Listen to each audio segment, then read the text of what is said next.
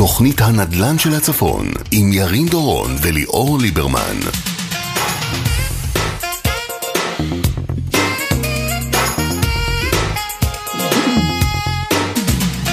ערב טוב לכם, 6 ו-4 דקות, רדיו כל רגע, 96 FM, 91.5, אתם על תוכנית הנדל"ן של הצפון, ואיתי, כמובן, המומחים הקבועים שלנו, ליאור ליברמן אלר נכסים, ערב טוב לך. ערב טוב ירין, מה שלומך? אני בסדר גמור, תכף גם נדבר על עוד כמה דברים שקורים בו זמנית. אה, שלום לקלמר פיננסים, הלו ערב אבנר טוב, קלמר. ערב טוב. ערב טוב גם לך, ושלום גם לעורך הדין שלנו, עורך הדין שלומי תדרי. ערב טוב לך. ערב טוב, חג מונדיאל שמח. חג מונדיאל שמח, וכשאני אומר חג מונדיאל שמח, אתם נכנסתם לאולפן, ובמקום... מאוכזבים קצת, מאוכזבים. במקום אה, אה, תוכנית חיסכון וכל מיני תוכניות על נדל"ן, שמתי לכם כל מיני אה, זוויות מעניינות של המונדיאל. עכשיו אנחנו בדקה החמישית, במפגש בין מקסיקו לפולין. הימורים, רגע לפני שנתחיל לדבר קצת דברים אחרים. אני מאמין שפולין ינצחו. פולין, 2-0 פולין. פולין. אני דווקא הולך עם מקסיקו. אני הולך על תיקו. אז הנה, הוא ראה התקפה בגלל זה. אז הנה, אני הולך על תיקו, אני הולך על תיקו, המפיק שלנו היום רומק. לא, זה פשוט בירוק. רומק הולך איתך, עורך הדין שלומי תדרי הולך בגדול על מקסיקו, אז רק אני אמרתי תיקו, וכמובן שתהיה לנו הכרעה, אם אמרתי תיקו. אה, אבל אנחנו כאן אה, עד השעה שבע. נתמקד ברשותכם בנדל"ן צפוני, כמובן שאם יהיו אירועים אה, במשחק בין מקסיקו לפולין, אנחנו נדווח למאזינים שלנו, שוודאי אם הם מאזינים לנו הם נוסעים בדרכים ולא יכולים לראות את המשחק, אבל אנחנו נזמין אתכם לשלוח לנו הודעות בטלפון שלנו 052-596-96, יש לא מעט הודעות ששמרנו במהלך השבוע האחרון, אבל לפני שנעשה את זה ככה באופן רשמי עם שיר, אני רוצה לשמוע ליאור ליברמן, איך עבר עליך השבוע האחרון מבחינה נד- נדל"נית? שבוע סוער, העלאת הריבית שעוד מעט אבנר אה, ירחיב, ואני חושב שאנחנו קיבלנו איזשהו נוקאוט משמעותי לתחום עוד אחד. הנדל"ן. אה, אחד ועוד, אה, אמרת שהתווסף עוד אחד שזה, בנוסף. טוב, תכף אנחנו נרחיב את זה עם, באמת עם אבנר. תראה, הסיפור הוא, יש, יש כותרת, הכוח עבר ל- לרוכשים, היזמים לדעתי קצת בלחץ, משפרי הדיור אה, לא ממהרים אה, לעשות עסקאות, בטח בריביות כל כך גבוהות, תנאי משכנתה גרועים עבור הרוכשים, ואני חושב שגם לכל מי שרכש בשנה האחרונה אה, זו בשורה לא טובה, וגם הצפי לגבי שנת 2023 לא מזהירה כל כך. אה, נתונים מדאיגים, אני, כולנו בעצם אה, מרגישים זאת את זה אומרת, בכיס. התחזית, התחזית שלך הולכת ומתממשת לך מול העיניים. 2023, כל מה שאמרתי בינתיים קורה. אנחנו מרגישים את זה מדי חודש בחודשו בכיס שלנו, של כולנו. זה משק... משפיע באופן אוטומטי, ודרך אגב, הגלגל בעולם הנדל"ן, תסכימו איתי, הוא זה רחב מתחיל, מאוד. מתחיל מעסקת נדל"ן, מיזמים, הופך ל... אה, עובר לעורכי דין, מתווכים, אה, אנשי משכנתאות, אינסטלטור, אה, קבלני משנה למיניהם, וכולם מתחילים להרגיש את זה חורק, ושזה משפיע עלינו ועל כולנו. חורק ברמה של אה, אה, אנשים הולכים פה למצוא את עצמם אה, במקומות שהם לא הכירו, עוד- או, עוד מעט או. או שזה עניין של גל, ועכשיו תראה, קצת מרוויחים פחות. נכון. בעולם הנדל"ן, כמו, כמו בבורסה, יש גרף, עליות, ירידות. שאתה רגיל אה, בשנתיים לקצב אה, קצב עבודה מסוים ואתה אמור לרדת עכשיו אה, ביותר מ-50%, זה משפיע באופן אוטומטי על כולנו. תוסיף לכך את, ה, את העלייה המשמעותית מדי חודש בחודשו בכסף שאנחנו משלמים, שלא, שהוא לא מתוכנן בתקציב החודשי שלנו, זה משפיע באופן אוטומטי על, על כולם. אין, אין פה... אין פה ספק. אם כבר דיברת על גלים, אז uh, כלכלה תמיד עובדת בגלים, יש פיקים נמוכים, פיקים גבוהים. השאלה איפה זה תופס אותך, ויש משפט ידוע שאומר, כשהגלים מתחזקים, החזקים מתגלים. Uh, ואנחנו בגל מאוד סוער עכשיו, ואנחנו נרחיב על זה בהמשך. אה, מישהו, מישהו שמע גם את הרעיון של נגיד בנק ישראל אתמול, אני אומר לך את האמת, אני באופן אישי מוטרד, כי הוא נזהר, הוא נזהר בדברים שהוא אומר, אבל מאוד- אפשר להבין מאוד מה, אפשר מהדברים שהוא אומר. אפשר להבין לקראת מה אנחנו הולכים, ואנחנו... הוא גם ו- ושוב הוא נגיד- מדבר גם על הממשלה החדשה, אתה יודע, כולם מספקים כותרות, חבר'ה, עוד אין ממשלה חדשה. בקרוב תהיה, בימים הקרובים תהיה. כזו או אחרת. כולם מספקים כותרות שהם הולכים להילחם, וגפני רוצה להיפגש ו- ולדון, חבר'ה, המצב העכשווי כרגע, שהמצב לא טוב. השורה צריך להבין, זה. לא תלוי רק בנו, זה תלוי, אנחנו נדבר על זה בהמשך, זה תלוי בכל כלכלת העולם, יש האטה בפעילות הכלכלית בכל העולם, מצבנו פה עוד אה, עדיין סביר כן, אבל טוב. תסכים איתי בתור אחד שהמומחה שלנו, מה שנקרא, לכל אה, מה שקורה בתוך הבנקים ו- ומעליהם, מה שנקרא. ברגע שמעלים את הריבית, וזה זה נתון שבועי, העלאת הריבית קורית כבר אחת, ל- אחת לשבוע, כמו שאתה בא... אחת, לחודש, זו העלאה שישית אתה- אתה ברציפות. זוכר כן, שנה כזאת? לא. אני לא זוכר. אה, בואו, ו- חבר'ה, בואו רגע לא, ניתן נתון אחד אני רגע לפני ש... רק רוצה לסיים את השאלה, בסופו של דבר העלאות הריבית האלה מצביעות על אינפלציה, אנחנו שם. זה קורה, העלאת הריבית, והנגיד אה, נקב בזה בצורה מאוד ברורה בפעם האחרונה, אה, רק בגלל הצורך להתמודד מול האינפלציה שגואה וגואה וגואה, הוא רוצה להאט את הכלכלה קצת, כדי שהאינפלציה לא תשתולל.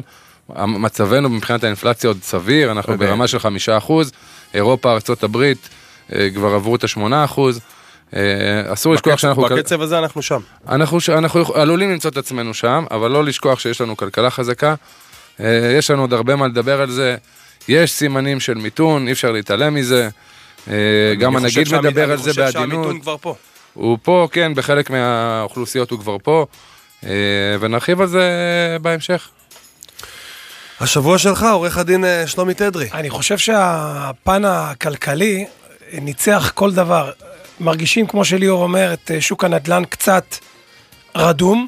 אנשים על ה... מחכים ככה על הגדר לראות מה קורה, תבוא ממשלה חדשה. שוק לחלוטין של קונים, הם מקבלים חזרה את הכוח לידיים, כמו שאמר ליאור. אה, אנחנו רואים ירידה בהיקף העסקאות, אנחנו רואים ירידה בביקושים של משקיעים.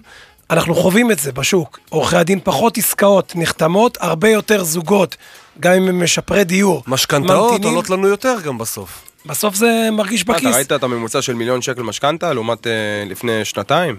אתה יודע, אני מסתכל פה על הנתונים, השינויים אה, בשיעור הריבית הבסיסיים בישראל משנת 2014 עד 2022.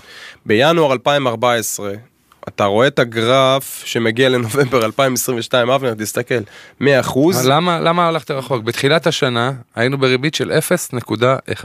אנחנו עכשיו בריבית של 3.25, זה פלוס 300 אחוז.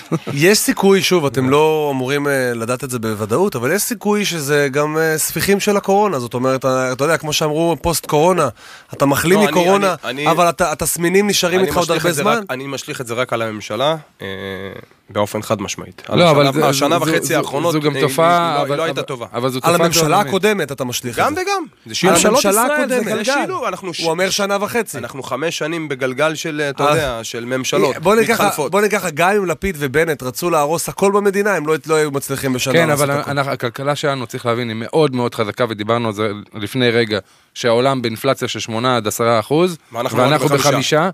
ומצבנו יכל להיות עוד יותר טוב, ולא היה צורך בכל העלאות ריבית האלה, אם הדברים היו יותר ברורים, אם, אם הייתה, ב- לא משנה מי הממשלה, אם הייתה ממשלה שמכננת, יציבה. ויציבה, זה הכל, שיודעת לקבל אין החלטות. ספק, אין מדיניות. ספק. צריך מדיניות וצריך בנייה וצריך הכל. מה צריך לקרות כדי ש- שמחירי הדיור ירדו, אם בכלל, מה הממשלה שתקום צריכה לעשות? אין סיבה שמחירי הדיור ירדו, אה, יש עדיין מחסור של כמעט 200 אלף דירות. נכון שעכשיו המשכנתה עולה יותר יקר וצריך אומרת להתפשר ש- בגודל אומרת, אז הדירה זה לא ובמחיר מדויק. המשכנתה. אז זה לא מדויק להגיד שהכוח עבר לקונים. בסופו של דבר... הכוח עבר לקונים הכוח חד משמעית. חד לא, משמעית. הכוח אולי קצת נ, נ, נ, הלך מה, מהקבלנים. מהיזמים, בסדר, זה לא אומר שהכוח נמצא אצל... אם אתם אומרים שהמחירים לא יורדים, אין לקונה שום אה, כוח. כרגע. כרגע. אנחנו מדברים על נתונים שהם אנחנו ב- כרגע. אנחנו בהתחלה.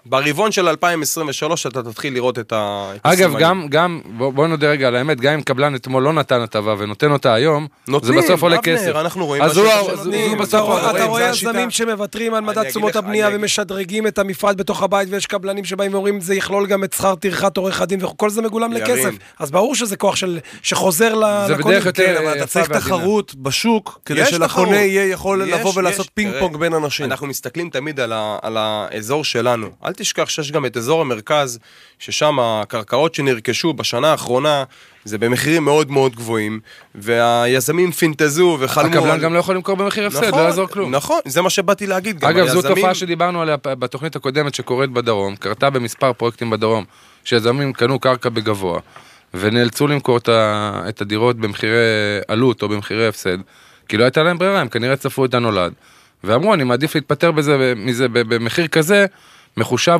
ככל שמסוכן, אבל מחושב, ולא להתקדם עם, אה, עם הקרקע בלי למכור. אני, אני חושב, ו- אבנר, תסכים איתי שאנחנו לא, לא נחווה ירידה משמעותית עכשווית, שנייה, אבל בהתחשב שאותם יזמים נטלו הלוואות מסוימות על מנת לממן את כל הפרויקטים, אז קשה להם עכשיו להוריד, אבל יכול להיווצר מצב שקצב הבנייה, אתה רואה, הנה דירה בהנחה עוד 3,300 יחידות חדשות, ב- בהתחשב לזה שכבר נסגר מכרז לפני שבועיים או שלושה. אם קצב הבנייה ימשיך, לא תהיה אופציה ליזמים אה, להרשות לעצמם אם יהיה כן למכור, אם יהיה לא להם למכור. משחק. אתה יודע מה, הם ירוויחו פחות. מה שאתה אומר עכשיו זה דבר מאוד מאוד חשוב, ליאור. כי בעצם אתה אומר שאם עכשיו אני לוביסט של אה, קבלנים, יזמים, אני בעצם הולך עכשיו למשרד האוצר, למשרד אה, הכלכלה, ולוחץ להם על, להם על האוזן, חבר'ה, אל, אל תרבו בבנייה. תקשיב, אני... אל תרבו בבנייה. אני אחד שמכיר קצת את המגזר החרדי, ואני חושב ש... שמעתי קצת אתמול את גפני וקצת אה, צפיתי בערוץ הכנסת. אם אה, ש"ס או יהדות התורה יקבלו את, ה, את אה, ש, שיכון ובינוי, את המשרד השיכון, יהיו, יהיו אחראים על התהליכים, אתה יודע, באופן אוט- אוטומטי הם צריכים להשליך למגזר החרדי. אתה תראה פה תנופת בנייה, אני אומר אבל לך. אני לא רוצה שרים שידאגו למגזר. זה לא רק, זה לא רק למגזר החרדי, זה לכלל, כלל אזרחי ישראל. אתה תראה תנופת בנייה, ואתה תראה שינויים בחוק המיסוי, אומר- שישפיעו באופן אוטומטי, אין אופציה אחרת. כי המ- המגזר החרדי חייב דירות, זה לא שאלה. יודע, אבל יש גם- אבנר אומר אבל- 200 אלף יחידות דיור אני חסר. רוצה לגלות לך סוד קטן. מי שקרוב לאוזניים של השרים וחברי כנסת ביהדות התורה, בש"ס, הכי בכירים שיש, אתה יודע מי הם? בעלי הכוח במגזר החרדי. נכון. מי שבעלי הכוח במגזר החרדי, בין היתר הם גם יזמים ומשקיעים. נכון. ואין להם שום אינטרס שהמחירים מה זה ירדו. משנה לך עכשיו לא, לא, תנופת עזוב, בנייה? גם למ- זה לא משנה מי יושב שם, למדינה אין אינטרס שהמחירים ירדו, דיברנו על זה מספר פעמים. בדיוק, כמו שאין להם יש אינטרס. גביית אני לא מיסים. לא חושב אין שתהיה למדינה הוזלה. אינטרס. מרוויחה. מה זה ירידת מחירים? אנחנו לא מדברים פה על 50 אחוז. בסוף- אבל ברגע שיש יציבות, אבל ויש קצב. אני אגיד לך מאיפה ליאור צודק, אולי שלומי יוכל ככה לחזק את דבריי. בסוף בסוף יש את הקש ששובר את גב הגמל. אי אפשר בסוף שהכל ימשיך להיות פה יקר, ו... והמשכורות לא יעלו. בדיוק. יוקר המחיה היא שבסוף... אז צריך לטפל בצד תראו מה ההכנסות, קורה לא עכשיו החלב, החלב אבנר. מתייקר. אבנר, טפלו בהכל. אי אפשר בסוף עם המשכורת שלנו לבקש וגפני אמר את מאיתנו זה לעשות בצורה הכל. מפורשת אתמול. חבר'ה, צריך לטפל נקודתית בכל פרמטר. במיסוי של המשקאות המתוק- המתוקים, בנדלן, ביוקר המחיה בחלב, במוצר, בהכל. אבל, אי אפשר שהיזם ירוויח והמשקיע ירוויח, ועדיין. הדירות יהיו אה, בברות השגה. כולם צריכים להרוויח. לא, הזוגות, אנחנו לא הזוגות, באים לפה לשם שמיים. זוגות ללא. דיור, הם צריכו, הרווח שלהם זה דיור בר השגה. יש להם במחיר, בדירה בהנחה. ו- ולא כזה, אתה רואה, הנה, הם לוקחים משכנתה, המשכנתה עולה להם הרבה בסדר. כסף. תשומות הבנייה אמרו להם, יעלה חבר'ה, לכם אבל צריך כסף. להבין דבר נורא פשוט, ריבית של 0.1 זה לא דבר נורמלי. לא, זה- זה- זה- ואמרת את זה, זה- אתה- ל- אה, כמה ל- פעמים. להגנתך אמרת את זה. מזמן. אבל צריך למצוא את האיזון. האיזון הוא עכשיו, וזה שהתרגלנו לרמה מסוימת של ריבית ולעלויות מסוימות זה בסדר. אה, רמה של שלושה וחצי אחוז אה, ריבית, שלושה, שלוש ורבע אחוז ריבית כמו שיש היום, זו רמה עדיין נורמלית, זו הרמה הנורמלית בדרך כלל. נכון שהיינו שמחים שיישאר 0.1, לזה עשה לכולם טוב, זה מרים את הכלכלה, זה, זה מגביר את הפעילות במשק, זה מגביר את הפעילות בהייטק, אה, בכל, בכל תחום בחיים. אבל אה, יש כוחות שוק שאסור להתעלם מהם, אה, שזה כן, זה ספיחי קורונה, כן, זה המלחמה באוקראינה, יש הרבה דברים תמיד מסביב. יהיו, אבל תמיד יהיו. לא, אבל יש, יש, אה, אה, אה, המלחמה באוקראינה תרמה לזה הרבה, כי יש שם הרבה... אה, אנחנו רואים את זה אגב בחלב, נכון, בסוף הגרעינים והחיטה. ואני אומר לכם שהמחירים באירופה... לבהמות עלתה בעשרות אחוזים. המחירים באירופה לטעמי ב-23 עוד יזנקו עוד יותר, מהסיבה הפשוטה שיש בעיה עם צינורות הגז שמגיעים מרוסיה, הם מקור האנרגיה העיקרי היום של אירופה, אה, אסור להתעלם מזה. אה, אומנם עכשיו קצת משחררים אוניות של ייצוא מאוקראינה, אבל זה... העולם חייב לחזור לפעול רג, כמו רגע לפני. אה, יש להם הרבה השפעה גם לרוסיה, גם לאוקראינה. אה, גם לקורונה יש משמעות. אל תשכחו שאנשים רגע אחרי הקורונה אה, נסעו הרבה לחו"ל, אה, קנו רכבים בזמן הקורונה. לקחו הלוואות חדשות. לקחו הלוואות, ההלוואות האלה היום יקרות פי כמה וכמה, וזו עיקר הבעיה. ופה פה השאלה של המאזין אה, שלנו, מאזין יוסי, ששואל אותך אבנר, אני מעריך שהוא שואל אותך, האם לקחת משכנתה במצב הנוכחי? אה, כולם שואלים מה את אותה ההמלצה? שאלה. אתה לא. יודע, אתה יודע, אני רגע רוצה לעצור לפני שאבנר עונה בפן הכלכלי, אני רגע רוצה לעשות איזשהו תיקון. אותו לקוח, אותו מאזין ששואל, כן, יוסי. הוא לא לוקח משכנתה, דווקא בפן המשפטי ההגדרה הנכונה, נוטל. הוא נותן משכנתה. נוטל. הוא לוקח. הלוואה, הוא לוקח אה. הלוואה, הוא נוטל הלוואה בנקאית, והוא מעניק משכון במקרקעין, שזה משכנתה לטובת אותו בנק מלווה, אם אנחנו מדייקים זאת רגע. אומרת, קודם כל תודה רבה, זה חשוב, עברית זה דבר מאוד מאוד חשוב, וגם ה... אה, שלומי אה, תדרי שדרג את כל מערך שלומי הש- ת- אתה יודע מה? השידור. אתה צוחק- אתה צוחק, אבל השפעה על שדר אחד יש לו. ואני אפסיק להגיד אה, לוקחים משכנתה, לוקחים. הלוואה מהבנק. נוטלים נוטלים. הלוואה מהבנק נותנים לצורך משכנתה. בדיוק, כן. הבנק מקבל את המשכנתה. הבנקים לוקחים משכנתה. לשאלתו של יוסי, הלוואה לצורך משכנתה. לשאלתו של יוסי, אם, אם מדובר בהשקעה, אז לא בטוח שהייתי ממליץ אה, לקחת עכשיו. אפרופו, אני חייב לחדד. אתה רואה למה אנחנו לא. עושים עסקאות? אתה רואה יש ליאור למה אין לנו יש- עסקאות? יש- הנה הוא ממליץ לו לא יש לקחת. נתון אחד שהוא משמעותי. אנחנו בשביל המאזינים שלנו. ומתקשר לכל השיח ב-20 דקות האחרונות. אתה יודע שבספטמבר האחרון נרכשו בסך הכל 1,400 דירות על ידי משקיעים. שזה אומר שיש לנו ירידה של 27% מהשנה שעברה. אז אשתקד. הנה, הנתונים זה- אומר- הנתונים זה- אומרים זה לו. נתון, זה נתון שהוא באופן אוטומטי משל- משליך על אותם נוטלי משכנתאות, משקיעים שלוקחים עכשיו משכנתה, לעומת מה שקורה בשוק עכשיו, שנהיינו כמו המרכז, יש המון עסקאות מול יזמים של 20-80, 30-70, שעדיין לא צריכים את השירותים של אבנר כרגע היום, א', מהסיבה הפשוטה. מקווים שמתישהו הריבית... הם שחררו אה, את ההון. העצמי שלהם, הם עוד לא הגיעו לשלב המימון, עכשיו, לכן הם לא עכשיו, צריכים... אבל יש לנו אני- מומחה, יש לנו אבל מומחה. הנקודה המרכזית עכשיו, כי השוק עכשיו מדבר על זה שהמשכנתאות מאוד יקרות, אז מה אנשים עושים? אה, מתחילים לחשוב. עכשיו זה לא הזמן לקחת משכנתה, בוא ניקח, נחפש את העסקה הטובה.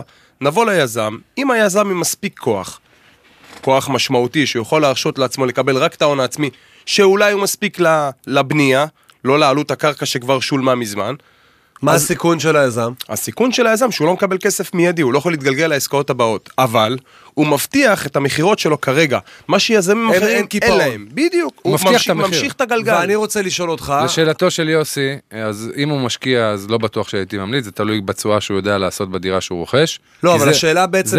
שמסתתרת גם ל- בנתונים ל- שליאור ל- אמר, לדיור, האם הריבית תחזור למספרים יותר נמוכים? בנק ישראל מדבר על זה שיש לו מטרה עילאית אה, אה, לחזור לרמות האלה. אגב, זה, זה עושה רק טוב, זה, דיברנו על זה ממש לפני כמה רגעים, שזה מגביר את הפעילות במשק, אבל המדד עלה ב-15 לחודש ב-0.6. ב- בשנה האחרונה, ב-12 חודשים האחרונים, המדד מדד עלה לצרכן. ב-5, מדד המחירים לצרכן ב-5.1. זו הבעיה, שם, שם נעוצה שם הבעיה. האינפלציה. שם יוקר ברגע המחיה. שהמדד יתמתן, הריבית תרד. זה, זו, זו הנוסחה. מה התחזית שלך? אני אומר שבתחילת 24 זה כבר יתחיל לקרות. זאת אומרת, 24? שנה שלמה שבה אנחנו צריכים להחזיק את עצמנו, לנשוך שפתיים, ולא לא, לרוץ ליטול להתרגל אה, ולהבין שזו הלוואות. הרמה הנורמלית של המחירים. אז תחיה אני שואל- בהתאם אז- למה אז- שאתה אז יכול אני לשלם. רוצה- אז אני רוצה לשאול אותך שאלה. זה נובע מכך שאנחנו, האזרחים השתוללו ב- ב- בהתנהלות החודשית שלנו? זה נובע כי יש התייקרות שאנחנו חווים אותה, אנחנו מרגישים את זה יותר, והכל ביחד? אנחנו מרגישים את זה יותר, אה, נקרא לזה עוצמתי וחזק, מהסיבה הנורא פשוטה שאתה ציינת אותה כרגע, השתוללנו קצת. כולנו. כולנו, מהקטן עד לגדול, אה, מהמשק בית הכי קטן עד ליזם הכי גדול, עד ל- לאיש, עד, ל- העכשיו. עד ל- לחברות ההייטק הכי גדולות שהלכו ו- ו- ו- ורכשו חברות אחרות. כל זה נעצר היום כי מחיר הכסף הוא יקר, וה- והמדד משתולל, אה, ו- וכוח הקנייה שלנו קטן, זה הכל. רק אה, נגיד, רק נגיד, אתה יודע, בסוף הרכבים עולים לנו יותר, הדלק התייקר. אבל אנחנו מגיעים, אגב, ראיתם- אבל אנחנו זה מגיעים, זה אבל אנחנו. מגיעים, אנחנו זה מגיעים, בשוטף אני. אומר, זה בשוטף, אבל בסוף אנחנו כל יום מגיעים חמש דקות באיחור לעבודה. אמרת רכבים, בגלל הפקקים. אמרת רכבים, אני אז רוצה לציין- הכל יקר לנו. אמרת רכבים, אני רוצה לציין פה משהו מעניין שנתקלתי בו השבוע. אה, נכנסתי לאיזה אה, אתר של חברה, לא משנה שמה כרגע. שם בדוי. ואתה רואה שהם מפר, מפר, מפרקים את המחיר לכמה הם גובים וכמה מיסים יש. ואתה רואה שברכב של 220 אלף שקלים, יש 80 אלף שקל מיסים. המדינה מרוויחה. נורא פשוט, אגב, אני לא יודע איזה חברה זאת, אבל היא חברה מאוד מאוד אה, כנה. כנה. וחכמה שיווקית. חברה מחשמל. אנחנו נעשה כאן הפסקה לפרסומות, כשנחזור אנחנו נהיה עם היזם אה, שלמה שבח, אחד שיודע איך אה, מרימים בניינים, בין היתר בעמק ובגליל, נשאל אותו, איך הריבית משפיעה על היזמים, שווה לכם להישאר. תוכנית הנדל"ן של הצפון, כבר חוזרים. תוכנית הנדל"ן, חזרנו. חזרנו 6.26, זה אומר ש-26 דקות עברו במפגש בין מקסיקו לפולין. ליאור ליברמן, תוצאה? 0-0. 0-0, למרות שהמקסיקנים, חסר אה, פה מסכים. הסכים איתי המ- המפיק רומק, המקסיקנים נראה לי נותנים חסר את פה הטון. מסכים. חסר חסר פה מסכים. רוקדים אתם- במגרש. כולם, כולם, כולם מופנטים לכיווני, ואז אני מזל מבין שיש- שזה המסך בגב שלי שגורם להם... מזל שיש חלונות. עכשיו אנחנו אה, שוב רוצים לפנות למאזינים שלנו 052-500-9696 שלח לנו השבוע המאזין יאקי את השאלה הבאה ואנחנו ככה ריכזנו את השאלה אה, לעורך הדין שלומי תדרי טופסולוגיה וטופסולוגיה מה שמתכוון יאקי זה דווקא ערימת הטפסים הזאת שהוא מקבל רגע לפני שהוא חותם הסכם אה, מודה, יאקי בהודעה שלו שהוא שולח אלינו שהוא לא מספיק לעבור על כל מילה במילה, אה, וגם כשהוא עובר הוא לא כל כך מבין על מה, אה, את הניסוחים. עד כמה חשוב שעורך דין יקרא את זה. עורך הדין הוא זה שלא רק קורא את זה, הוא זה שמנסח את זה, זה באמת שגם שאתה מבין מגיע, את זה. הוא גם מבין את זה. כשאתה בא וחותם על חוזה, באמת יש טופסולוגיה, יש המון ניירת. אה, שבדרך כלל, אתה יודע, אומרים לך בוא תחתום פה, פה, תלוי- פה ופה, בא- נכון? תלוי בעורך דין. גם, גם תלוי בעורך דין. אני אגיד לך את האמת, בעידן המקוון היום אני משתדל להקליל, כי היום אנחנו סורקים, חותמים דיגיטלית במשרד ומשדרים מקוון. לא, פעם היינו צריכים להגיש דברים לטאבו עם שלושה וחמישה העתקים, אז היינו מחתימים הרבה יותר. מה זה אומר משדרים מקוון? זאת אומרת, אתה מסביר על מה הוא חותם? אני מחתים טופס, אני סורק אותו במחשב שלי, בסדר? אני מעלה אותו אזהרה. לאתר של הגוף שאני רוצה אוקיי. לדווח עליו, לאחר שחתמתי אותו אבל דיגיטלית. עדיין, זה לא משנה, עדיין מי שחתם צריך לעבור מילה במילה. בוודאי, הם צריכים להכיר את הטפסים. בוא, בוא, בוא נעבור על הטפסים. פרט לחוזה ולנספחים שלו, שזה נסח הטאבו או אישור הזכויות, אם זה נכס של אה, רשות מקרקעי ישראל. אה, מסמכי המשכנתה, מה ההתחייבות הכלכלית שיש לאותו מוכר. אה, הסכמי שכירות, אם הדירה הזאת אה, מושכרת. אנחנו חותמים על מסמכים נלווים. החשוב שבהם, או השניים העיקריים שחשוב באמת להכיר אותם, אחד, זה המשך, זה הדיווח לרשויות המס. אנחנו מדווחים על סכום העסקה, שם עורך הדין ימלא את הפרטים שלנו, מי הוא המוכר, מי הוא הקונה, מה הפרטים של הדירה, מהו סכום העסקה, המוכר, מה הוא מבקש מרשות המיסים, האם הוא מבקש לשלם מס והוא ערך תחשיב הוא צריך לצרף להצהרה שלו תחשיב עצמי, מה סכום המס שלדעתו הוא צריך לשלם. למה, כמובן, למה זה נתון ל... ל- איך אומרים? ל- צריך להבין, בישראל, להתמקחות, בישראל להתמקחות? השיטה, בישראל השיטה היא נורא ברורה. אתה תערוך שומה עצמית, תשלם את המס שאתה טוען שאתה צריך לשלם. אנחנו מדברים על מס אנחנו- שבח. מס השבח, כן, המס שחל על המוכר. אנחנו נבדוק אם מה שהצהרת הוא נכון, ואם כן נאשר לך, נכון אם לא. אז נתדיין איתך על זה. כמה- מה הטווח, אה, מה שנקרא סטייה? נראה לי שאתה צריך, נסביר לירין מה זה מס שבח. מס שבח. לא, אני יודע מה זה מס מס שבח גם למאזינים אבל זה נשמע כאילו, אתה יודע, אני אבוא, יזרוק מספר. לא, לא, לא, לא, אה, זה צריך להיות הסכום- מגובה הסכום אתה הוא- חושב הוא שיושבים שם הדלתא. פקידים שאפשר אז- ככה באהלן אהלן. הם גם מתוגמלים לדעתי מסכומים שמגדילים ל- לקופת המדינה. הסכום הוא הדלתא. בפשטות, הרווח. כן? הרווח, הדלתא, בין הסכום שקנית לסכום שמכרת, בניכוי הוצאות מותרות. אה, דמי, אה, דמי תיווך, שכר טרחת עורך דין. השבחה של הנכס, אגרות וכולי וכולי. הקונה גם צריך לדווח האם הוא מבקש פטור כי זו דירתו היחידה, או האם הוא מבקש להקפיא את המס שלו כי יש לו דירה אחרת שהוא גר בה, אני- על זה אני רוצה והוא להרחיב, רוצה כי עם למכור זה כל דירה... הזמן יש שאלות. נכון. זהו, לאנשים חושבים שאם הם קונים עכשיו דירה נוספת, לפני שהם מכרו את הדירה שלהם, בהכרח יחול עליהם מס רכישה. אז לא. החוק נותן לנו פריבילגיה, שתי פריבילגיות. אם אתה קונה דירה יד שנייה, אתה יכול להקפיא את מס הרכישה שלך ולקחת פרק זמן של שנתיים. כדי למכור את הדירה, זאת שאתה מתגורר חוזה. בה, נכון, שנתיים מחתימת חוזה. אם אתה קונה דירה אפילו מקבלן, החוק נותן לך אפילו לפעמים פריבילגיה ארוכה יותר. עד שנה מקבלת טופס 4 של הדירה שבנה היזם, הקבלן, שמכר לך את הדירה. אה, טופס או מסמך נוסף שחשוב שנכיר, זה הייפוי כוח הנוטריוני, הבלתי חוזר. חותמים עליו גם המוכר וגם הקונה. זה בעצם מסמך שהוא אה, מחייב את הצדדים לעסקה, ובעיקר הוא רלוונטי למוכר, הוא מאוד קריטי לקונה, הוא בעצם מבטיח את הזכויות של הקונה. אנחנו מתחייבים, גם אם נלך לעולמנו, אנחנו מחייבים את היורשים שלנו, שמי שאיפנו את כוחו, אותו עורך הדין, יכול לבצע כל פעולה עד לסיום העסקה, כלומר לרישום הזכויות על שמם של הקונים. זה נתון משמעותי. אז זה, זה מסמך שבעצם מבטיח את הזכויות של הקונים. אנחנו נחתום כמובן גם על שטרי המכר, שזה טוב, טוב ובקשה לרישום הערת אזהרה, שהיא אה, אה, נותנת לנו את ההגנה ו- וכשנבין במעמד. במעמד החתימה, שלומי, אתה בתור עורך דין מחויב להסביר לאותו יאקי לדוגמה, אה, אה, כל דבר במילים שלו, במילים פשוטות, מה, על מה הוא חותם. אם זה לקוח מהסוג של יאקי, והוא מגיע אליי פעם ראשונה והוא לא עשה עסקת נדל"ן בחיים שלו, אני אתעכב איתו טיפה יותר. יש לי לקוחות, ברוך השם. ברוך השם שהם לקוחות חוזרים והם כבר מכירים, אז אני רק יכול להגיד להם בטייטל מה המסמך, והם לבד כבר יודעים כן, מה המסמך הזה, וגם לא ידקדקו אה, בנקודות. חשוב להבהיר שזה בסוף תצהירים מול המדינה. נכון. חשוב שזה ימולא כמו שצריך, גם- עורך הדין יכול לטעות זאת. הערה נכונה מה שאבנר אומר. חשוב שגם עורך הדין יהיה מקצועי בנושא הזה. בסוף ל- תצהיר שהלקוח חותם עליו, כן מבין או לא מבין. שאלה על מי האחריות במקרה, אני- במקרה והתצהיר לא מדויק, לא נכון, שאלת- שאלת החתימה שאלה שלי. חשובה, למה? למשל, שלומי עכשיו מחר הוא מייצג מוכר, ומשה, עורך דין אה, מירושלים, מייצג את הקונה. יש לפעמים דיווחים שכל אחד מדווח על הלקוח שלו. שזה שתי דברים שונים. נכון. יש, במקרה שלו מייצג שני צדדים, אז הוא מדווח, הוא אחראי על כל הפעולות, ברישומים. במקרה ויש תקלה משמעותי מאוד. בדיווח, האם המדינה באה לעורך הדין שלומי תדרי ואומרת, אתה אחריות זה מקצועית, אתה- אתה- הכל אתה זה זה ש-. אתה זה שערכת את ההסכם, אנחנו לדעתי רוצים הם קודם תשובות, כל באים לעורך הדין, או לא? באים ל- לחתומים. הם קודם כל באים אלינו המייצגים, הם פונים אלינו ואומרים יש טעות. עכשיו השאלה היא איזה טעות. יש טעויות שהן טעויות סופר, ודברים שאפשר להבהיר אותם ואפשר לתקן את השומה, או לפנות אפילו באופן מקוון למייצג, אם נודע לך למשל על הטעות, בין אם הוא יסב את תשומת לבך או אתה עלית על זה לבד, והלקוח אפילו לא ידע וזה תוקן, וזה עורך דין מקצועי ששם לב וטיפל בזה. יש דברים שהם טיפה יותר משמעותיים, כמו למשל, המס לא חושב. כמו שצריך. או אה, חושד, חושד פקיד השומה שהעסקה שדווחה נניח במיליון שקלים וחל עליה מס, הוא חושב שהיא שווה מיליון וחצי, ולכן המס צריך להיגזר מתחשיב של מיליון וחצי ולא ממיליון. אני רוצה לדבר על עוד שני דברים. אחד, כן. מה שאמר אבנר לגבי ההצהרות שהן חשובות. אם זה נכס של מינהל מקרקעי ישראל, אתה חותם בנוסף גם על בקשה להעברת זכויות במינהל מקרקעי ישראל, וגם על תצהיר היעדר חריגות בנייה. כלומר, המוכר מצהיר שהוא לא ביצע חריגות בנייה בנכס של שמנוהל על ידי מינהל מקרקעי ישראל, רשות מקרקעי ישראל, והקונה מצהיר שהוא מקבל את הנכס והוא מתחייב שלא לבצע בעתיד חריגות בנייה, ולכן יש גם משמעות להצהרות. יש אגב נכסים על- שהם לא מרשות מקרקעי ישראל? כן, יש טאבו שאלה. פרטי, כן, יש בעלות פרטית ושם אפשר. לבצע חריגות? לא.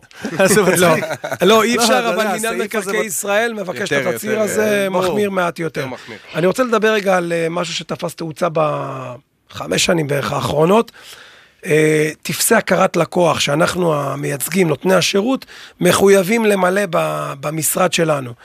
אה, אה, הרשות להלבנת הון בעצם מחייבת אותנו, נותני השירות, להכיר את הלקוחות שאנחנו נותנים להם שירות בתצהיר כלפי הרשות להלבנת הון. בוא תיתן לי את הפרטים שלך, הם בעצם בשאלון, הלקוח ממלא בכתב ידו את הפרטים שלו, איזה שירות באת לקחת מאותו עורך הדין, נניח וזו עסקת מקרקעין, תפרט לנו את הפרטים, איך שילמת. מהי העסקה, איך, את- עם איזה כספים אתה מתכוון לש, להשתמש. מאיזה כספים, על איזה- עד איזה רמה? הכספ- עד איזה רמה? ברמה של, מה ת- מקור הכספים שאתה קח את מביא? החשבון בנק, חסכונות, לא.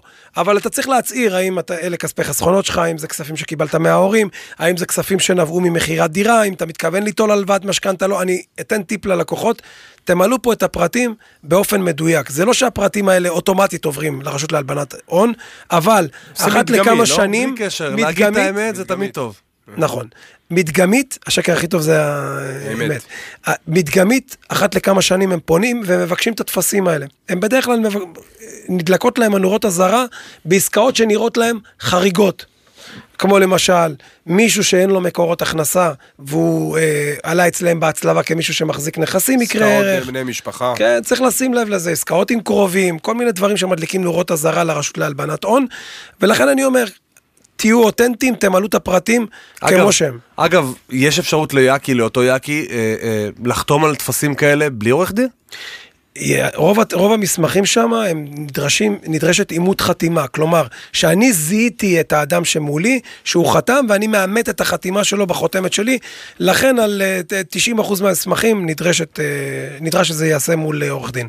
טוב, אה, סיפור אה, מעניין בכלל, כל הסיפור הזה של טופסולוגיה. אז אם, אם, להבין אני, על- אם, אני יכול, אם אני. יכול לסכם למאזין יאקי, אתה לא צריך לקרוא מילה במילה, אתה צריך פשוט צריך עורך דין שאתה מאמין בו, והוא אמור לעשות את הדברים בשבילך. תוכנית הנדל"ן, כל מה שרציתם לדעת על נדל"ן צפוני. ערב טוב אה, ליזם, שלמה שבח, עפולה, שלום. ערב טוב, ערב טוב לכם. שלומך. הכל מצוין, הכל מצוין. הכל. מצוין, אנחנו פתחנו חצי שעה עם... אה, אה, סוערת. אה, כן, אבל עם חדשות שחורות ועם עתיד שחור, ואתה הכל מצוין אצלך. קודם כל אני אופטימי מטבעי, אז ככה שזה חלק מהחיים שלי. זה חשוב אופטימיות ליזם? מאוד, מאוד. תן דוגמה. אני תמיד אומר, כשאני מוכר דירה לאדם כלשהו, בהרבה מן המקרים אני מחליף את מקומי במקומו. אני מנסה לדעת מאיפה הוא בא ואיפה המצוקה שלו, או בכלל מ- מה הוא הולך לעשות מולי כדי לקרוא את שפת הגוף שלו. זאת אומרת, אתה נכנס לנעליו של הקונה. אני משתדל עד כמה שאני יכול. ותגיד, ולשמחתי, אתה יודע מה, אתה יודע מה, בוא נשחק את המשחק הזה, כי באמת, אה, ניסיתי לדמיין אותך נכנס לנעליו של הקונה. נגיד ואתה עכשיו נכנס לנעליהם של אה, זוגות צעירים שעדיין אין להם דירת קבע, אה, והם עכשיו שומעים את העלייה בריבית, והם שומעים שעל כל משכנתה שהם ימכרו לבנק. הנה, הם נוטלים הלוואה, אבל הם מוכרים לבנק את המשכנתה. הם ייתנו לבנק למדתי משכון במקרקעין. כן, למדתי. אה, מה אתה- מה אתה יכול להמליץ לאותם זוגות צעירים? חכו רגע, שכירות זה לא רע, קחו משכנתה כי הדברים הולכים להיות הרבה יותר חריפים. תראה, אני, איך אומרים, לעניות דעתי, יש פה איזה פיק שעוד לא נגמר. יש עוד פיק שאנחנו נעלה אליו, במחירים ובהוצאות וב... כי תראו, הפעם התרעתי על זה. אחד הדברים שגורמים לאדם ל... להעלות את מחיר הדירה זה הרשויות. אם הרשויות מטילה, מטילות עלינו היום מכון בקרה, או מכוני בקרה. ב- בארץ, בעפולה, לא היו מכוני בקרה, ובנו, ובנו יפה, ואנשים בבתים שלהם. ואתה לא היזם. אתה לא היזם הראשון שעולה לשידור אצלנו ו- ומתריע על הסיפור הזה של מכוני אבל אתה יכול טיפה אולי להרחיב. על זה. שלמה, ערב טוב, נר קלמר, מה נשמע? אהלן, אהלן, הכל בסדר. אני רוצה שתתייחס קצת יותר עמוק, אתה אומר מכון בקרה, לא בטוח שהמאזינים יודעים מה זה, ת- ת- ת- גם ת- תכמת את זה במספרים בבקשה, אני זה אני מדובר ארחיב. ב... בסוף אתה יודע, חושבים שהיזמים מרוויחים מיליונים והכל לא. הולך לכיס שלהם. תתייחס יותר למספרים כדי שאנשים יבינו כמה הבירוקרטיה, בסוף אתה משמש רק כמתווך של הכסף. בדיוק. אנחנו אה, בחצי שנה האחרונה, אולי קצת לפני, אה, התחלנו בפרויקט חדש. ולפתע נופל עלינו אה, רגולטור שנקרא מכוני בקרה שהופקדו עלינו מטעם משרד השיכון והממשלה. ועכשיו אנחנו לא הכרנו את הסחורה הזאת, לא הכרנו מה המימון, מה הולכים להיות. בואו נגיד ככה, קודם כל זה עלה לנו המון כסף, עלה לנו המון כסף, והמכוני בקרה מתפקידם זה לבדוק את בעלי המקצוע שלנו, המהנדסים והיועצים וזה, עשו עבודה טובה.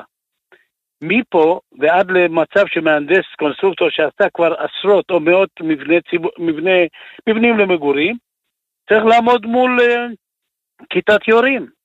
וזה מה שקרה. עכשיו, אתה יודע, בדרך כלל כשיזם צריך לשלם יותר, זה לא אומר שהוא עכשיו ימכור את הדירות שלו במחיר הפסד, לא, נכון? לא, לא. זה לא, מגולגל ו- ללקוח ו- בסוף, לא יעזור כלום. ודבר נוסף, אתה יודע מה, יותר אה, מפריע, אנחנו אומרים אין דירות, וצריך דירות, הרגולטור הזה שנקרא מכוני בקרה, מעכבים, עיכבו אותנו חצי שנה, לא די שבעירייה או בוועדות מעכבים אותנו בהיתרי בנייה, מסיבות כאלה ואחרות, וזה, יכול להיות שזה צודק. מכוני הבקרה בעוד חצי שנה? אתה יודע מה, אתה בא לעירייה, אתה אומר, חבר'ה, אני מכיר אתכם, לא מכיר אף אחד אחר.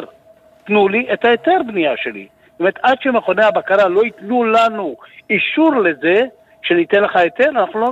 ו- ואתה אתה יודע להגיד, שלמה, מה, מה היה האינטרס אה, בהקמת מכוני הבקרה? מה, מה בעצם היה הרעיון? למה התכוון המשורר? אני- הרי הוא רצה להשפיע חושב- עליכם, היזמים, הוא רצה טיפה, איך אומרים, אה, לשים אתכם ב- ב- בזכוכית מגדלת. מה, מה, מה הרעיון היה? אני, אני אסתכל על זה ברמה של אה, ל- להכין עוד ג'ובים ל, לעבודה, ולא יותר מזה. זה היה, זה. אני, אני אגיד משהו ששלמה לא יכול להגיד אולי, זה היה בתירוץ של להקל על הבירוקרטיה. זה אה, עשה הפוך. זה עשה בדיוק הפוך, והנה אבל שלמה אתה יודע, כשמישהו שלמה עושה מעיד טעות- על זה הכי טוב. כשמישהו עושה טעות, מבינים את הטעות, מרימים את היד, מתנצלים וחוזרים בך. אבל אה, כן, אתה ראית פעם מישהו מתנצל על דבר שהוא עשה? במסגרת, ממשלתית? פחות, אבל, לא. אבל אה, ב- בסוף, בסוף, בסוף, נורא קשה להם ירין לחזור אחורה ולהגיד טעינו, והנה, בסוף מי שמשלם על זה, כמו ששלמה אומר, זה הלקוח. הסופי בסוף. אני יוצא כרגע, אני בהנהלת ארגון הקבלנים פה בצפון. יצאתי מהישיבה, אמרתי ל- לליאור שאני אצא לכבוד הדבר הזה. גם פה ישב בחור ממשרד השיכון, אריאל, אה, לא זוכר את אה, שם המשפחה שלו. כל היזמים שיושבים בהנהלה הזאת דיברו על הנושא הזה. חבר'ה, המכוני בקרה האלה גורמים לאנשים לשלם יותר כסף. גם אני שילמתי כסף וגם אני משית את זה על, ה, על הקונה. ו- ותעשו משהו. הוא אומר, שמע, חשבתי, עד שלא תקום ממשלה חדשה, שאולי היא תחשוב קצת אחרת ממה שעשתה קודמה- קודמתה, אה, אנחנו אין לנו מה להגיד לך. עכשיו תגיד, נגיד ואני, אני עכשיו ראש הממשלה, אני נותן הוראה לכל השרים שלי, חבר'ה, תקשיבו לשלמה, תבטלו את מכוני הבקרה. כמה זה יוזיל את הדירה הסופית? בסוף, במכירה. אתה יודע מה? קשה לי לכמת את הזמן שהמתנו להיתר.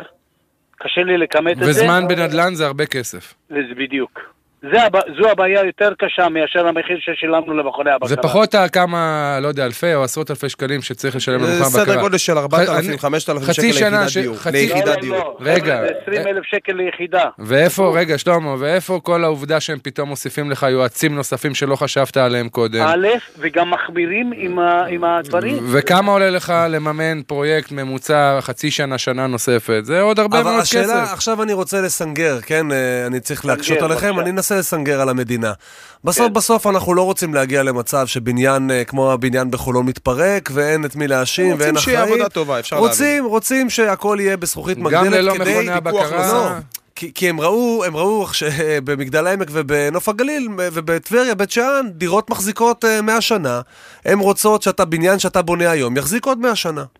תראה, כאן אתה מטיל מום בבעלי המקצוע שהם אמונים... אני על- חלילה, אני כמובן מנסה לא, לא, לסנגר. אני, אני מדבר איתך ברמה הכללית. לא אתה, אתה בסדר. לא.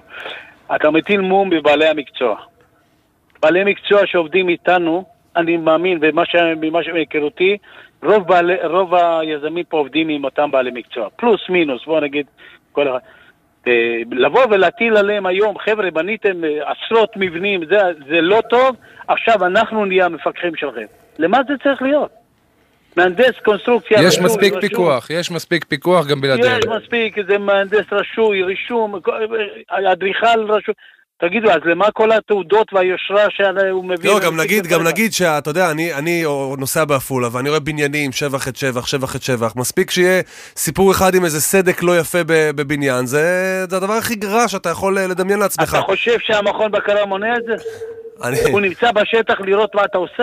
טוב, אז אז סיכמנו, סיכמנו שזה אחד הדברים שצריכים לעשות כדי להוזיל בסוף לזוגות הצעירים. מאוד. לא מה רק קורה, שלמה? להוזיל, לא רק להוזיל, גם לפשט את הדברים. להאיץ.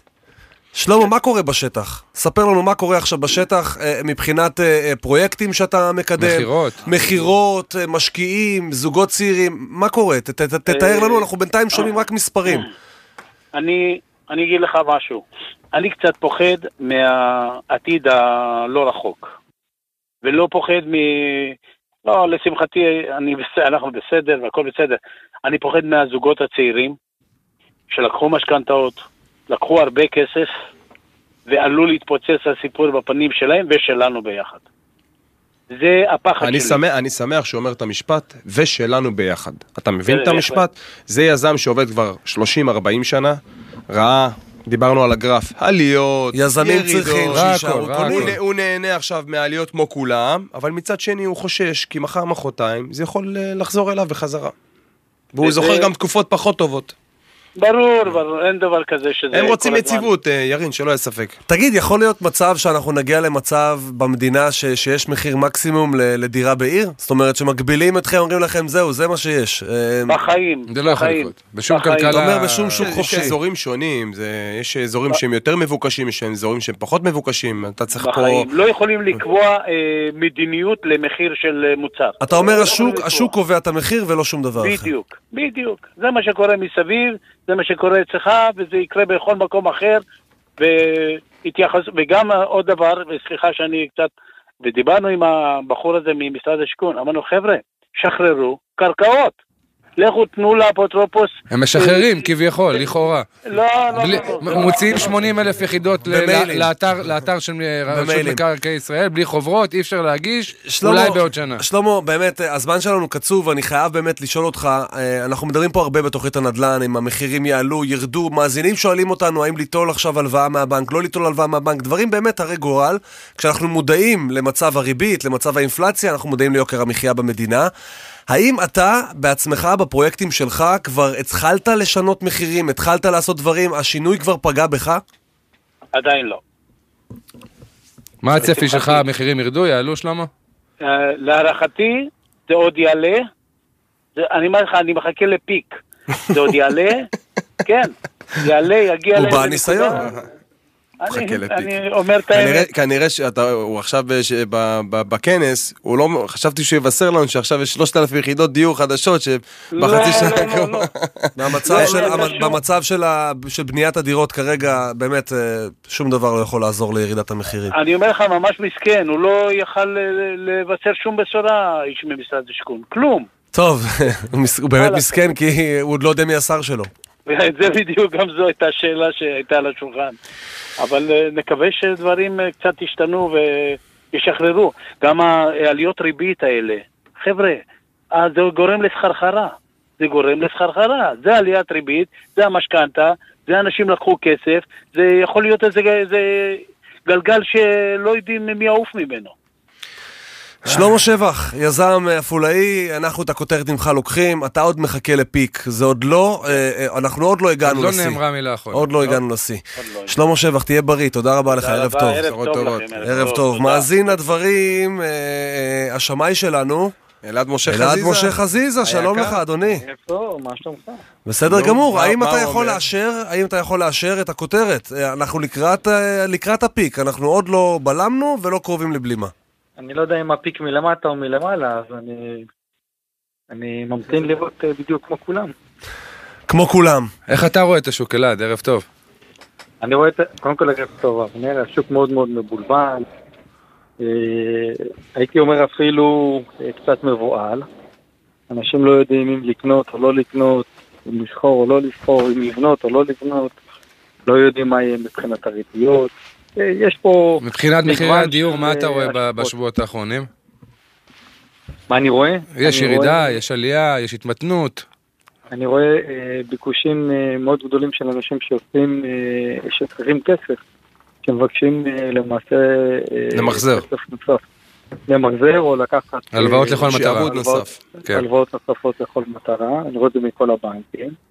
אני רואה מנגד גם אנשים שהם מאוד מאוד זהירים, שהם הגדילו את השומות לפני רכישה כדי לדעת האם כדאי להם בכלל להיכנס לעסקה, והאם יש איזושהי בעייתיות. זה קורה בדרך כלל במצב שהשוק זה מבולבל. רק בשנה האחרונה, אבנר. כן. רק בשנה האחרונה. אלעד התחיל ואמר שהשוק שמאות מבולבל. מוקדמת זה משהו שנכנס אה, בשנה האחרונה כי בצורה כי עוצמתית. יש אי ודאות, כמו שאלעד אומר, אה, יש אי אה, ודאות אה, במחירים. אתה, קורא לזה אי ודאות, תרשה לי מהזווית החדשותית להגיד, יש, יש פה אה, בלבול אינטרסים. המדינה רואה את האזרחים, בסוף האזרחים אין מה לעשות, אנחנו הכוח הכי חזק. אנחנו לא יכולים להמשיך לחיות ביוקר המחיה ולא, ולא להצליח לקנות דירה, והכל יקר כן, לנו אבל פה. איך איך שלמה אמר קודם, צריך בסוף ומצד שני, להסתכל. אתה רואה, היזמים, היזמים מחכים לפיק. יש פה, יש פה שני לא, דברים אני- אני- שונים אני לגמרי, לוקח- המדינה באמצע צריכה ל- לנווט. כן, אבל אתה צריך להבין, שלמה קודם אמר שצריך להסתכל בצד של למה, אה, למה רוכש הדירה, נותן המדינה לה צריכה... משכנתה. ל... המדינה רגע, לא רק צריכה... לב... זה כולם צריכים... לב- כולם צריכים להכניס את היד לכיס, אבל אה, צריך להסתכל גם מהצד של הרוכש, ודיברנו בהקשר הזה על שמאות מוקדמת. אה, אה, היום אה, אותו זוג צעיר יושב בבית, שומע מצד אחד שיש ירידת מחירים בחדשות בערב, למחרת הולך רואה דירה, מבין שהמחיר גבוה ממה שהוא חיפש לפני חודש, אז מבחינתו הייתה עליית מחירים. אז אומר, רגע, אני צריך שמאי, שיבוא יבדוק, שהוא בעל המקצוע לנושא הזה. אגב, זה, זה מבחינתי מבורך לעשות שמאות לפני רכישה. לגמרי. זה, זה, זה החלק הטוב של זה כל הסיפור חלק, הזה. זה, זה זה חלק חשוב ללכת, מקצועי לחלוטין. מקצועי וגם לא להקשיב ל... כן, אבל גם השמאי- לטלוויזיה, גם זה גם יש חשוב. אבל. יש גם ויסותי פנים, מה הכוונה? אנחנו ידועים כישראלים, אם השכן מכר בגבוה, או במחיר... אז זה בסדר לשלם את הגבוה. לא, אז זה בסדר שאני לא אמכור נמוך ממנו, ואם אני לא מקבל את אותו מחיר כמו השכן, אז אני לא מוכר.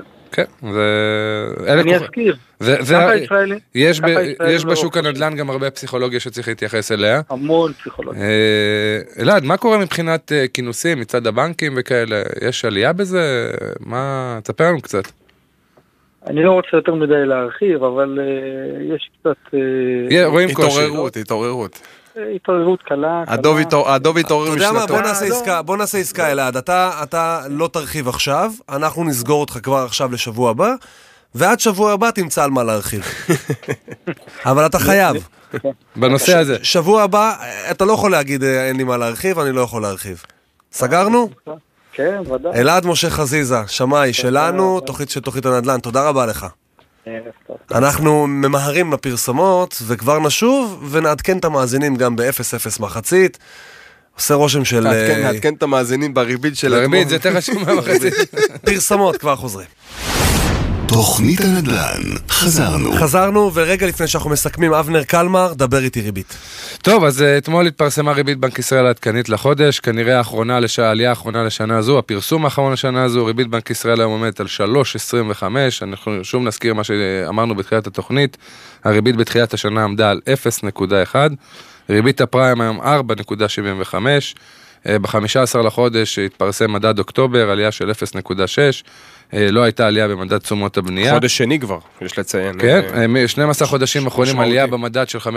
הדבר הכי חשוב מבחינתי בפרסום ריבית אתמול היה מה שהנגיד אמר, כמו שליאור ציין- ציין קודם, יש האטה, אה, מה שנקרא, הוא אמר במילים עדינות, המיתו- המיתון בפתח, אה, יש עלייה קלה באבטלה, אה, השוק מאט קצת פעילות. אה, אגב, הוא דיבר על דבר מאוד חשוב, שההאטה במדינות אחרות, באירופה, בארצות הברית, תשפיע גם עלינו, גם אם נרצה וגם אם לא נרצה, אה, כי בסוף אנחנו מייבאים ומייצאים, אה, ובצד הייצוא, אם תהיה האטה באירופה ובארצות הברית, אז הייצוא יפחת, אה, התעשייה פה תאט את הכ- את הכלכלה. מצד שני גם יש לו איזשהו אינטרס של להאט את הכלכלה בגלל שהמדד משתולל. אה, לדעתי אנחנו הולכת להיות שנה מאוד מאוד מעניינת. ובשביל זה 2023. אנחנו כאן מדי שבוע, תוכנית הנדל"ן של הצפון, מלווה אתכם יחד עם המומחים שלנו, ליאור ליברמן, אלר נכסים, תודה רבה, ערב טוב לך. תודה רבה. לך, אבנר קלמר, קלמר. פיננסים, עורך הדין שלנו, שלומי תדרי. יש. לנו חצי דקה אחרונה, אז נגיד 0-0 מחצית אה, מאכזבת, מקסיקו, שלומי, מחזיקה בכדור. מחזיקה יותר בכדור. ואני אתן לכם גם הזדמנות אחרונה להמר על תוצאת המשחק האחרון, צרפת נגד אוסטרליה. ליאור, נתחיל איתך. 2-0. 2-0 צרפת, 3-1 לצרפת. יפה. 3-0 צרפת. אני איתך, 3-0 צרפת, רומק? 1-1. אז כולנו הולכים עם צרפת, רק רומק, רומק בהפקה הולך על תיקו. אנחנו אה, כאן אה, סוגרים את המשדר שלנו. סעו לאט ובזהירות, ותשמרו על הצפון שלנו נקי. ביי ביי.